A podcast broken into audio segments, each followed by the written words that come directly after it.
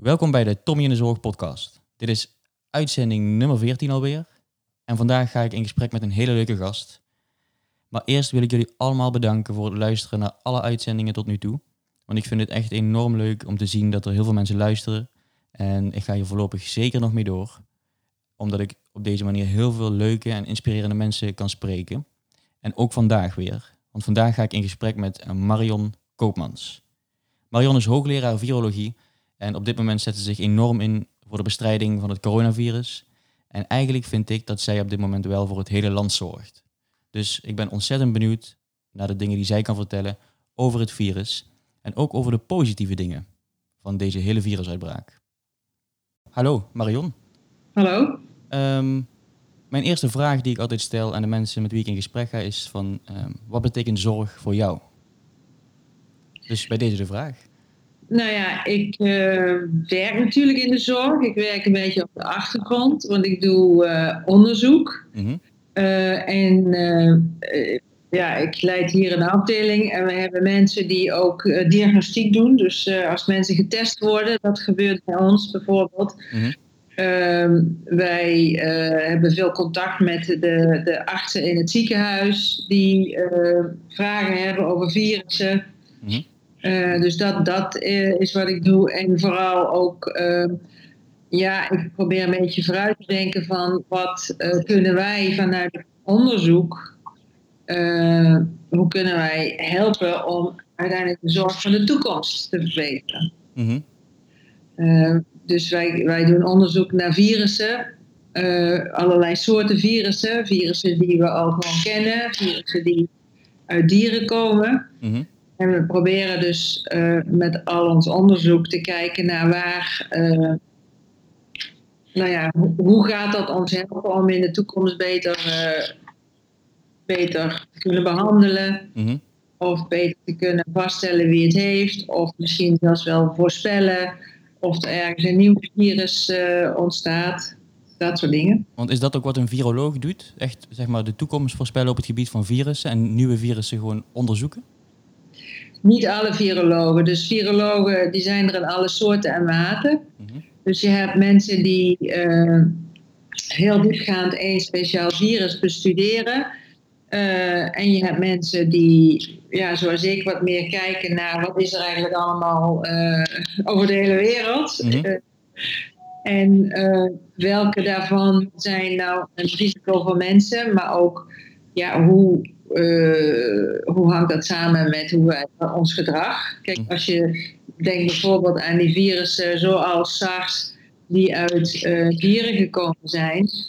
Uh, wij zien dat af en toe, maar we zien ook dat het risico daarop een beetje toeneemt. En dat komt eigenlijk over hoe we met de wereld omgaan. Mm-hmm. We krijgen steeds meer mensen, dieren krijgen minder ruimte, er worden oerwouden ontgonnen. Dus dan krijg je contacten nieuwe contacten tussen dieren en mensen die eigenlijk niet zo verstandig zijn. Mm -hmm. En dan kan zo'n virus overspringen. Dus daar ja, doe ik onderzoek naar, kijk naar om te kijken van kunnen we dat, hoe, ja, hoe, hoe, hoe kunnen we dat anders doen. Ja, oké. Dus maar even dan naar de basis. Um, als ik met mensen praat, dan hoor ik wel eens ooit dat mensen niet precies goed weten wat nou een virus is. Kun je nou heel simpel beschrijven, wat is nou een virus? Virus is eigenlijk een, een uh, pakketje van genetisch materiaal. Genetisch materiaal is DNA. Dat hebben wij zelf ook allemaal in onze cellen zitten. Um, en dat, uh, dat genetisch materiaal, dat moet beschermd worden. Dat, dat is eigenlijk wat het is. Dat genetisch materiaal, dat heeft alles in zich om nieuwe virussen te kunnen maken. Maar daarvoor moet het wel in een levende cel naar binnen. Mm -hmm. En het, dat, dat, dat uh, dingetje dat wordt beschermd door, ja, er zijn wat eiwitten, zit wat vet. Mm-hmm. Dat is het virusdeeltje. Dus dat beschermt dat genetische materiaal. En daarmee kan het ook van A naar B transporteren. Mm-hmm. En, uh, en, en dat, dat virusdeeltje, dat zorgt ook dat, dat er uh, dat het aan kan hechten, bijvoorbeeld aan onze cellen in de neus of in de, in de luchtpijp. En dan trekt het dat genetisch materiaal naar binnen en dan is dat binnen en dan neemt het die hele cel over. Die maakt gewoon gebruik van onze eigen, de fabriek in onze lichaamcellen. Mhm. En begint daarmee nieuwe virussen te maken. Die gaat zichzelf dus zeg maar reproduceren in een andere cel. Ja, en, en, dat is uiteindelijk het doel. En uh, om daar te komen is het dus verpakt in een beschermend omhulsel. Mm -hmm. Wat ook ervoor zorgt dat het uh, nou ja, bijvoorbeeld aan de neus of aan de keel of aan de uh, cellen kan aanhechten en binnenkomen.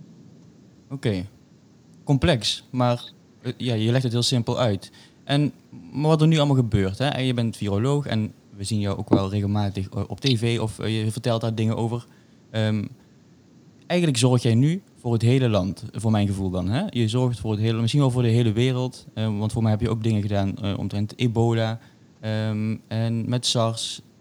Voelt, voelt dat niet zwaar? Is dat niet moeilijk, zeg maar, die zorg? Um, nou ja, soms wel. Maar ik denk dat jullie het zwaarder hebben. Kijk, voor mij is het... Uh, het is natuurlijk toch een beetje verder weg. Hè? Wat ik uh, wel zwaar vinden. Dus als, kijk, als viroloog zie je natuurlijk vrij vroeg van nou, welke kant gaat dit uit met zo'n virus? Mm -hmm. je ziet aankomen van nou ja, dit, dit, die komen er niet zomaar vanaf. Uh, er gaan wel echt veel mensen de intensive care in. Dus je, je ziet het een beetje aankomen voordat andere mensen zien aankomen. Dat, dat is wel uh, belastend, maar tegelijkertijd ja, is het natuurlijk ook wel, uh, je kunt in ieder geval je kennis inzetten op een manier dat het een beetje nut heeft. Tenminste, dat gevoel heb ik wel. Ja, dat snap ik, ja. ja. Maar hoe ver van tevoren wist je nou eigenlijk al van, dit gaat echt een probleem worden? Wist je dat dan al een jaar geleden of zo? Of nou, niet dit specifieke virus, mhm. maar wel dat er, uh, want het is uh, een virus uit een familie waar we al vaker dit soort voorbeelden van hebben gezien. Hè? Dus wij hebben bijvoorbeeld veel onderzoek gedaan naar een, uh, zeg maar de neef mm. van het virus, MERS. En dat is een virus wat uit dromedarissen komt. Mm Daarin zit dus ook en wat ook uh, longontstekingen geeft, uh, daar uh, overlijdt zelfs 30% van de mensen aan die dat krijgen. Dus, dus veel ernstiger, maar gelukkig niet zo besmettelijk. Of eigenlijk niet besmettelijk tussen mensen. Wel tussen dieren en mensen, maar niet tussen mensen. Mhm. maar daar hebben we wel uit, uitgebreid onderzoek naar gedaan. Dus uh, en ook wel gezegd van ja, wij moeten echt gaan letten op dit soort virussen, want die zijn een risico. Die gaan ja. of later opnieuw komen. Uh, dus in die zin kun je zeggen, ja, niet, heel, niet een grote verrassing. Maar dat het nou net dit virus was, nee, dat wisten wij ook niet. Nee, want toen ik hoorde over het coronavirus, het eerste wat ik dacht was, ik dacht aan mijn kat. Ik heb een kat gehad en die had dus het coronavirus. Ja. En dat coronavirus is gemuteerd. En toen had ze het VIP-virus gekregen. Daar is aan overleden. Dus het eerste wat ik dacht is, dacht van, wow, is dit dan hetzelfde? Of, maar is het dan gewoon een familie van die virussen? Ja, dus een hele familie. Daar zitten dus ook een aantal van onze verkoudheidsvirussen in. Hè, die gewoon die mensen links en rechts uh, in de winter krijgen. Uh, daar zitten virussen in van uh, katten, virussen bij varkens, virussen mhm. bij kippen. Uh, maar die hebben allemaal zo hun eigen uh, virussen. Uh, en wat we zien, dat er met name in wat reservoirs genoemd wordt, sommige dieren die heel veel voorkomen, maar ook heel divers zijn, vleermuizen bijvoorbeeld. Mm -hmm. Daar zitten, als je daar goed naar gaat kijken, dan zitten er ongelooflijk veel verschillende coronavirus. Dus ook uit deze familie. Allemaal weer net anders. Mm Daar vandaan uh, zien we dus af en toe dat die virussen overspringen. Oké, want dus, dus eigenlijk, het, het, komt van dieren. Is het dan ook een beetje onze eigen schuld? Dat we zeg maar te veel met die dieren um, in aanraking komen op allerlei manieren. Dat we ze eten, dat we ze bij elkaar zetten. Uh, nou ja, schuld is een groot, groot woord, maar uh, het is wel een soort, het hoort er wel bij inderdaad. Dat uh, uh, ja, heel veel mensen, steeds meer mensen eigenlijk, en steeds meer ja, die, die, mensen hebben voedsel nodig, dus we ontginnen land om, om te kunnen produceren. Mhm. Dus wilde dieren krijgen minder ruimte en dat, dat knelt. Mhm. en, en zeker als je dan ook ziet, ja, dus bijvoorbeeld de vleermuizen die dan gegeten worden.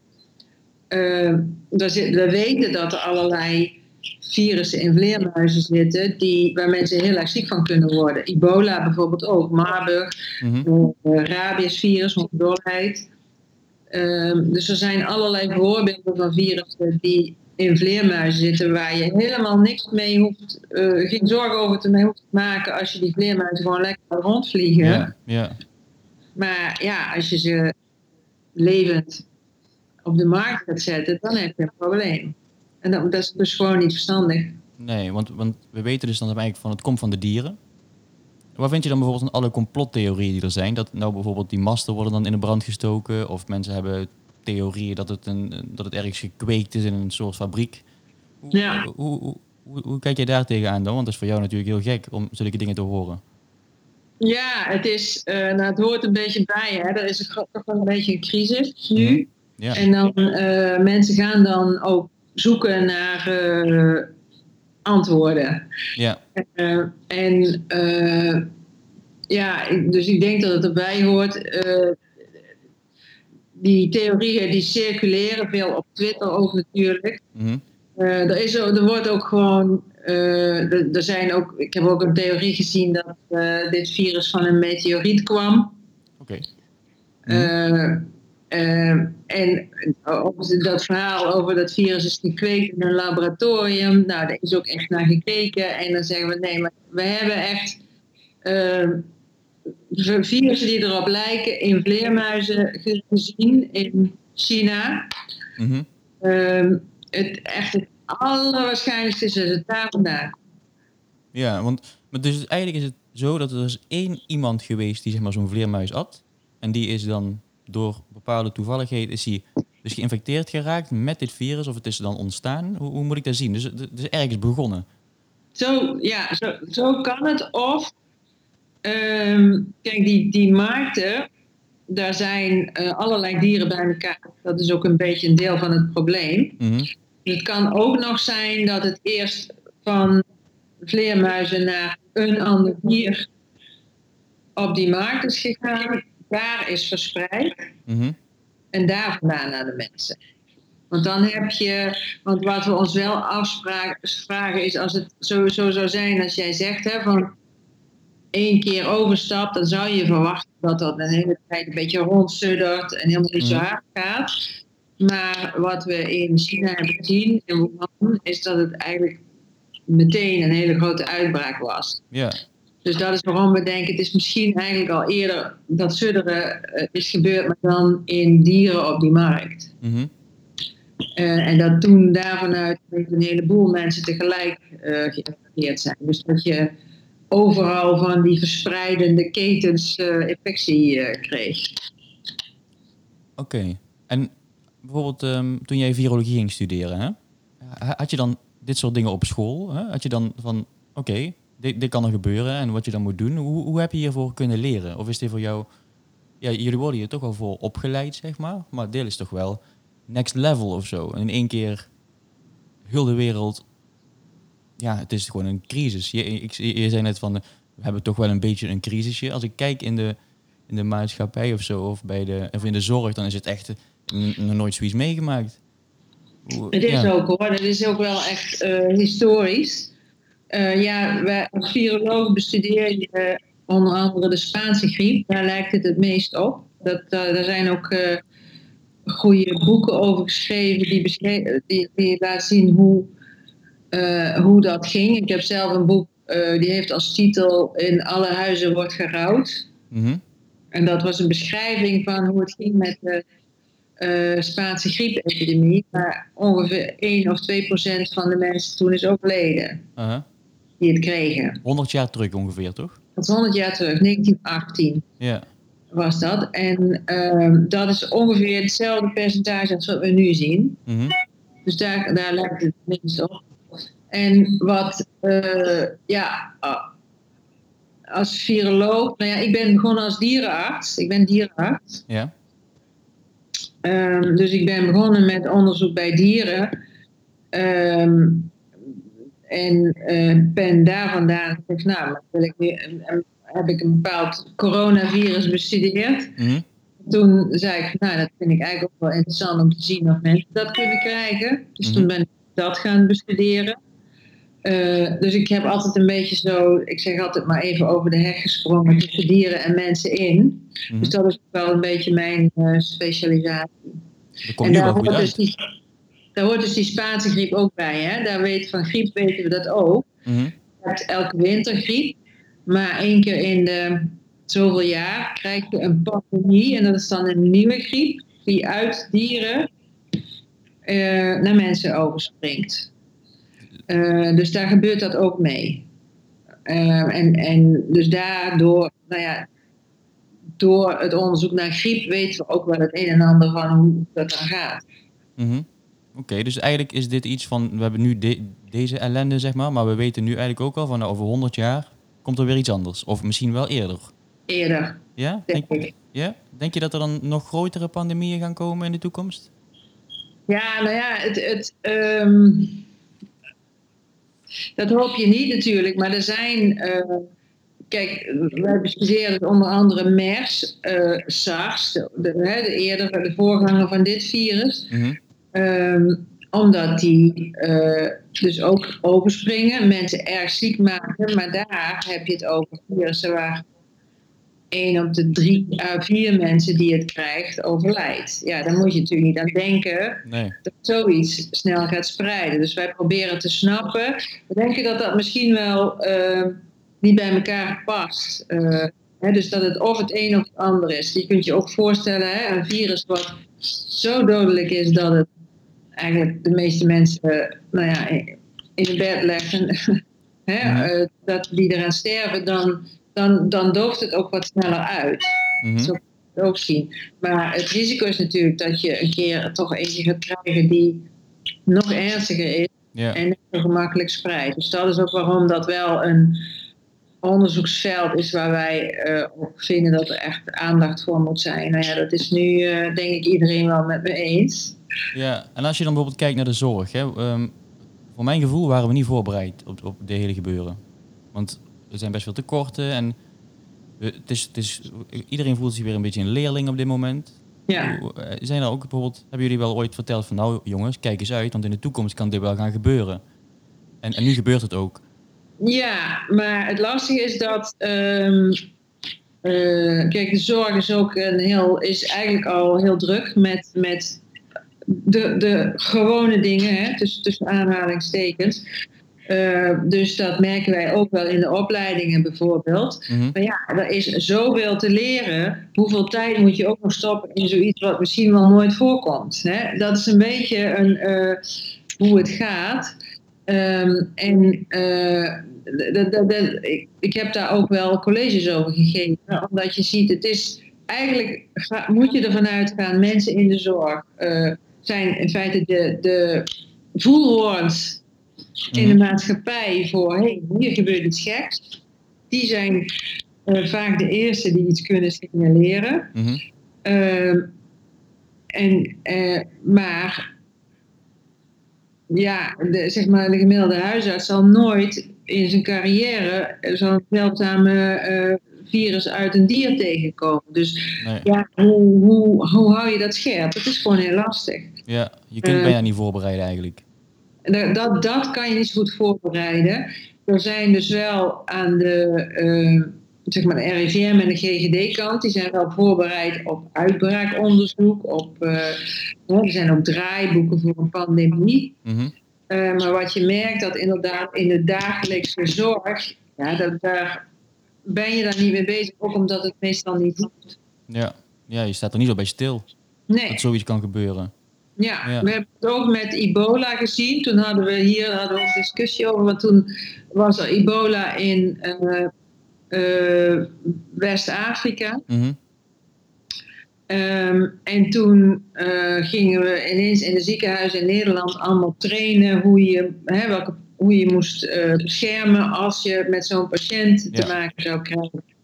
En toen heb ik ook wel gezegd, ja, maar jongens, we hebben elke dag reizigers op de hele wereld. Dus er kan eigenlijk heel vaak iemand, zonder dat je het weet, met een besmettelijke ziekte binnenwandelen. Dus eigenlijk moet je er in je dagelijkse handelen toch af en toe bij stilstaan van hé, hey, hoe, hoe doe ik dat? Hè? Hoe, uh, welke hygiënemaatregelen moet ik hier uh, hanteren? Ja. Uh, in plaats van, want het, er hangt geen kaartje aan, hè? hey, ik heb ebola of ik heb covid. Was het maar zo simpel, hè? als je het echt kon herkennen. Maar dat is natuurlijk niet zo. Nee, nee dat is heel moeilijk.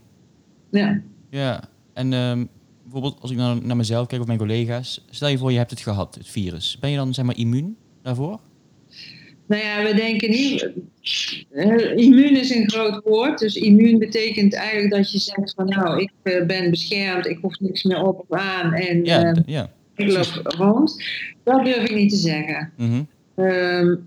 want wat we wel denken is dat iemand die een infectie heeft gehad, zal sneller afweer ook hebben tegen het virus als hij dat opnieuw tegenkomt. Mm -hmm. Maar uh, als je dan zegt van bijvoorbeeld mensen in de zorg, die gaan vervolgens naar ouderen toe. -hmm. uh, ja, dan zou je willen weten of je ook niet meer het virus verspreidt. Ook niet zonder symptomen. Want, want ik denk dus wel dat je minder ziek zou worden. Maar uh, ik denk niet dat je het virus niet meer kan verspreiden. Ja. En dus, dus uh, we gaan waarschijnlijk, daar wordt nu allemaal onderzoek naar gedaan om te zien uh, wanneer zou het zinvol zijn om bijvoorbeeld me, uh, mensen die in de zorg werken naar de mogelijkheid te bieden zich te laten testen. Dan wil je wel weten wat de testuitslag betekent. Je wil niet zeggen van, nee, dat er een soort uh, ja, fout gevoel van bescherming ontstaat. Van, ja. dat je ik, denkt, ik hoef eigenlijk niet meer op te letten. Ja, precies. Ja. Uh, terwijl dat misschien wel zo is. Dus daar zijn we echt aan het uitzoeken van hoe zit dat nou. Ja. Ja, want ik denk bijvoorbeeld ja, om mij heen, ik heb zoveel collega's ziek zien worden, zeg maar. Of uh, ik heb mezelf ook een tijdje niet goed gevoeld. Ik heb me laten testen, toen was er niks zichtbaar. Maar dat was daarvoor. Ik voelde me toen eigenlijk al wel weer beter. Ja. ja dan, dan kun je het ook moeilijk aantonen, denk ik. Kan het virus zeg maar echt ook alleen maar in je neusholte zitten en in je keel? Of kan het ook bijvoorbeeld ergens anders zitten, ditzelfde virus? Nou, de, de, bij de echte. Dus veel mensen hebben we geleerd, hè, hebben hele milde klachten. En ja. dat is dus ook een beetje het sluipende. Want dan, ja, normaal gesproken met een beetje snotterig, dan blijf je gewoon werken. Ja. En dat moet met dit virus dus net niet. Maar dan zit het ook inderdaad echt in de, in de neus, in de bovenste luchtwegen. Mm -hmm. Uh, maar pas bij die tweede fase, en dat zijn dus de mensen die ook in het ziekenhuis belanden, dan zie je het ook dieper in de, in de longen. Ja. En soms zelfs dat, dat boven in de keel mensen, dat je niks meer vindt. Dat het echt alleen maar diep in de longen zit. Oké. Okay. Uh, dus dat is echt, echt een ander stadium.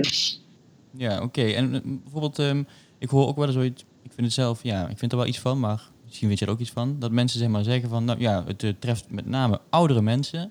Um, en oudere mensen, ja, die gaan nou eenmaal dood. Wat vind je van zulke uitspraken? Ja, ik, ik uh, hou daar niet van. Ik heb uh, twee ouders van 91. Ja. Um, ik denk niet dat we zo moeten denken. Um, het, is, het is een virus wat echt heel vervelend is. Je ziet ja. mensen van alle leeftijdsgroepen op de intensive care belanden. Um, dat is meer naarmate je ouder wordt. Uh, maar zo dertigers, veertigers, vijftigers, zestigers. Uh, lang op de IC. Die hebben lang daarna nog klachten. Um, en uh, je ziet naarmate mensen ouder worden, verhouden steeds meer overlijden. Maar het is gewoon echt een hele nare infectie. En ik vind het ook niet oké okay om te zeggen van nou laat het bij die oudjes maar ja. gebeuren. Nee, ja, ik denk... Ik denk... Want dat, dat is niet... We zien nu in sommige verzorgingshuizen, hè, daar hebben ze dan uitbraken. En dan zie je in een hele korte tijd echt veel mensen overlijden.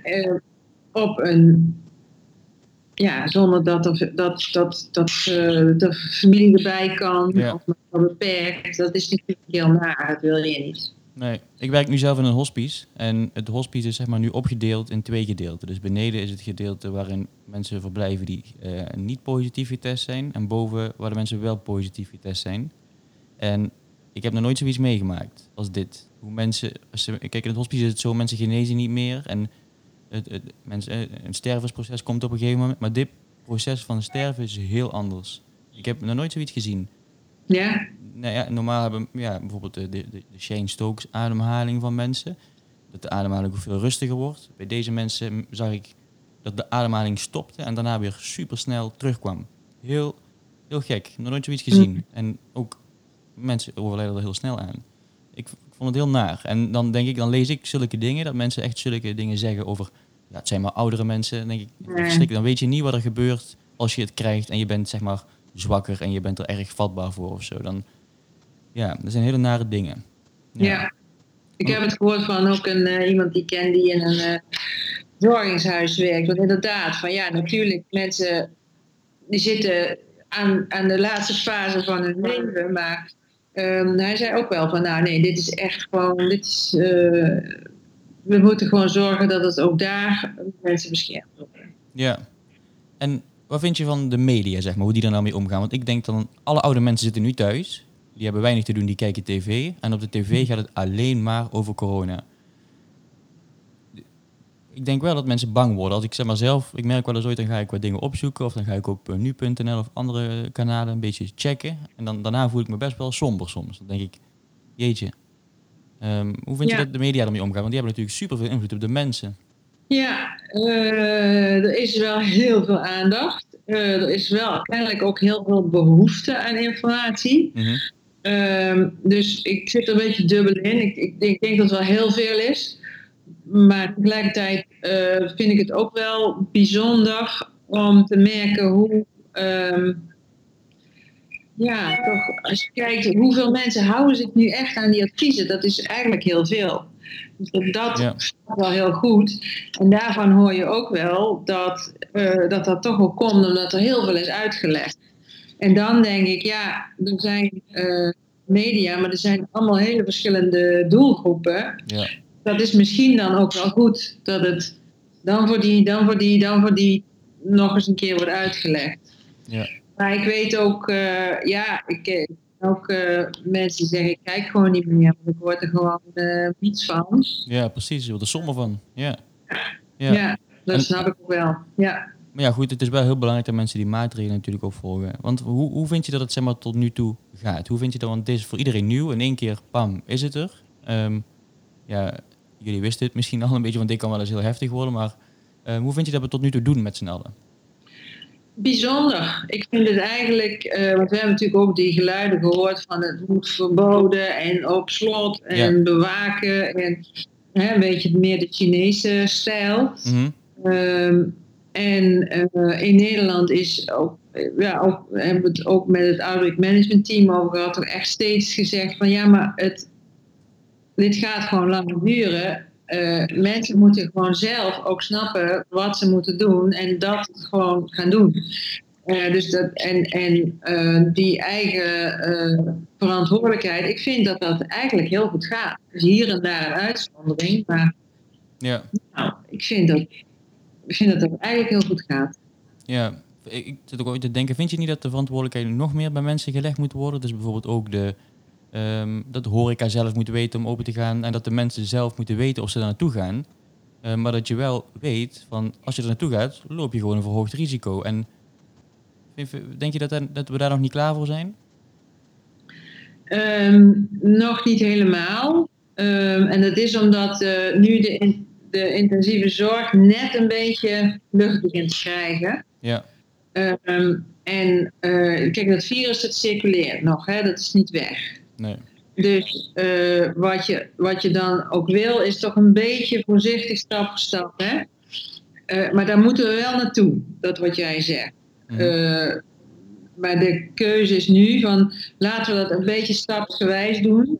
Want je wil niet dat je met de zorg meteen weer helemaal op slot terug, hè, drie stappen terug moet zetten. Mhm. Ehm, en daar is dus ook weer toch een beroep op solidariteit van heb nog even geduld. Ja. Maar het moet er wel naartoe inderdaad dat er steeds meer groepen wel vanuit oké, hoe gaan jullie het zelf oplossen, uh, weer aan de slag uh, moet kunnen. Ja, ja precies. En, en hoe vind je dat de zorg het doet tot nu toe? Dus zeg maar de hele zorg, dus de intensive care, maar ook de oudere zorg en, en de, de huisartsen. Nou ja, uh, petje af. Het is, uh, het is niet niks hè, wat er gebeurt. Um, ik, um, uh, ja, ik heb daar heel veel respect voor. wat ik daar zie gebeuren. Um, ik zie natuurlijk bij, hier bij ons in het ziekenhuis de, de, professionaliteit, hoe mensen bij springen. De, we hebben studenten die, die opleidingen allemaal gestopt, maar die, die komen dan als vrijwilligers werken. Ehm, dus ik vind dat uh, heel mooi om te zien. Um, ik uh, hoop eigenlijk dat het ook een heel positief aanzuigende werking heeft, hè, voor werk in de zorg. Ja, ja, het is aparte marketing hè, voor de zorg. Ja, het is een mhm. beetje, ja, niet helemaal de marketing die je nee. moet willen. Maar ik denk wel dat het wel positieve aandacht geeft voor uh, de zorg als uh, professie. Ja, ja. Heb je nog tips voor zorgverleners zeg maar, die echt met mensen werken die uh, het virus al hebben of, um, of, of, niet? Maar heb je nog tips? Uh, nou ja, hou vol. Ehm, wees niet al te bezorgd. Hè. Het is uiteindelijk nog steeds wel voor heel veel mensen een milde infectie. Ja. Maar het is wel iets wat we, waar, waar we rekening mee moeten houden, wat we gewoon in moeten bouwen in ons uh, handelen. Ja. Denk je dat we elkaar nog ooit handen kunnen geven? Ja, ik denk dat dat wel uh, komt. Kijk, dat kan je nou, nu ook doen, maar je moet wel gewoon. Kijk, het is alle, alle contactmomenten zijn ietsje meer risico. Dat weten mensen die in de zorg werken, bijvoorbeeld met MRSA of zo, weten dat natuurlijk. Uh, dus wat we nu zien, en die adviezen gaan natuurlijk over risico zo, zo klein mogelijk houden. Ja. Hè, we gaan natuurlijk ook een periode krijgen dat er heel weinig circuleert. Ja, en het is echt niet zo dat je dan met elke handeling natuurlijk meteen geïnfecteerd raakt. Nee. Hè? Of, het maakt ons gewoon heel bewust van dat we gewoon voorzichtig moeten zijn, sowieso, ook in de toekomst. En um, nog een laatste vraag zijn er ook positieve dingen, zeg maar, aan dit hele gebeuren? Dus kijk, ik denk dat, de, dat het, zeg maar, globaal is het gewoon niet positief. Het is niet leuk wat er allemaal gebeurt, maar dit doet iets met ons als mensen. En denk je dat dit nog ook positieve effecten heeft? Uh, nou ja, ik vind dus die uh, solidariteit, ik vind die initiatieven die je ziet van, uh, nou, hoe kunnen we op een creatieve manier met hoogwerkers of wat dan ook toch even wat contact hebben. Mm -hmm. het, het, eigenlijk de standstill van de samenleving en ja, tijd voor reflectie. Ik vind dat ook wel positieve kanten van het verhaal. Ja. En ik hoop, ik hoor dat ook wel van best veel mensen. Van, nou, de, het is echt even stilstaan. Waar ben ik eigenlijk mee bezig? Hoe moet het verder? Ik hoop dat we dat een beetje vasthouden. Ja. Ja, ik denk niet dat we in één keer helemaal veranderen als mens. Maar ik denk wel dat dit zoveel effect heeft dat we zeg maar, hier ook wel dingen uit kunnen gaan leren. En, ja. Ja. Ja, bedankt. Ik vind, ik vind het super leuk jou gesproken te hebben. Want je hebt natuurlijk heel druk ik hoor jouw e-mail ook de hele tijd afgaan en jouw telefoon. En je, iedereen wil natuurlijk iets van jou natuurlijk. Ja. Nee, maar uh, nou, ik, eh, ik vind dat je hele mooie stukjes schrijft en ik uh, werk hier graag aan mee. Nou, dankjewel. En uh, nou, ik hoop dat mensen hier iets van kunnen leren. En nou, wellicht tot uh, de volgende keer. Dankjewel. Oké. Okay. Fijne dag nog. Hè? Okay. Doei doei. Okay. Doei. Jij ook. Dag.